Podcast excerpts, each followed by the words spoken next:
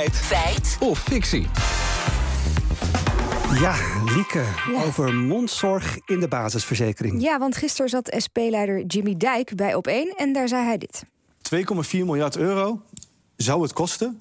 Maar nogmaals, ik geef daarbij aan, we betalen het nu ook. En nog belangrijker, we betalen nu op de langere termijn hogere kosten. Dat hebben, heeft ook het Radboud UMC uitgerekend... dat het hogere kosten met zich meebrengt als je dit niet in het basispakket doet. Het is uitgerekend dat het 3 miljard euro oplevert aan arbeidsproductiviteitsgroei...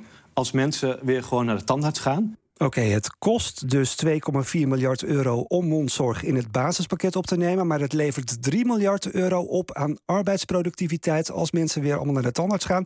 Oftewel, het zou goedkoper zijn dus om de mondzorg voor iedereen toegankelijk te maken. Ja, volgens Jimmy Dijk wel. Dus we zijn het gaan checken. En we belden eerst met Marcel Canois, hoogleraar gezondheidseconomie aan de Vrije Universiteit van Amsterdam. En hij vertelde ons wat er nu qua tandheelkundige zorg in het basispakket zit. Alles voor uh, mensen tot met 18 jaar, kinderen. En voor volwassenen een aantal chirurgische ingrepen of als tandheelkunde onderdeel uitmaakt van een breder medisch verhaal. Oké, het zou dan 2,4 miljard euro kosten om dan die volledige mondzorg in het basispakket op te nemen. Ja, dat getal blijkt gebaseerd te zijn op drie aannames, vertelt Jasper Kuipers, directeur van Dokters van de Wereld. Hoe groot is de groep die uh, gebruik gaat maken van, van mondzorg die dat nu nog niet, uh, nog niet doet? Welke behandelingen uh, ga je dan vergoeden voor die, voor die groep? En ook uh, ga je het eigen risico meenemen daarbij. Nou, uh, minister Kuipers die, ehm, die wil het eigenlijk zo duur mogelijk laten klinken.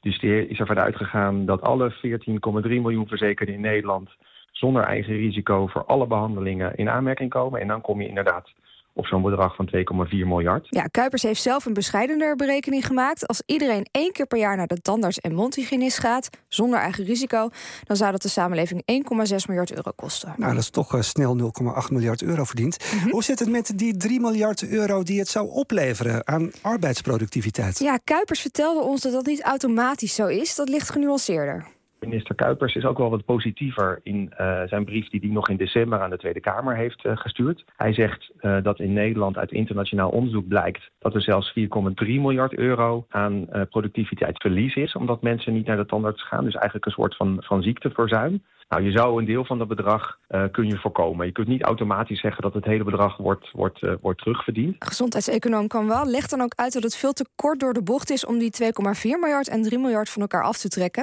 En dat is een denkfout die vaker gemaakt wordt, zegt hij.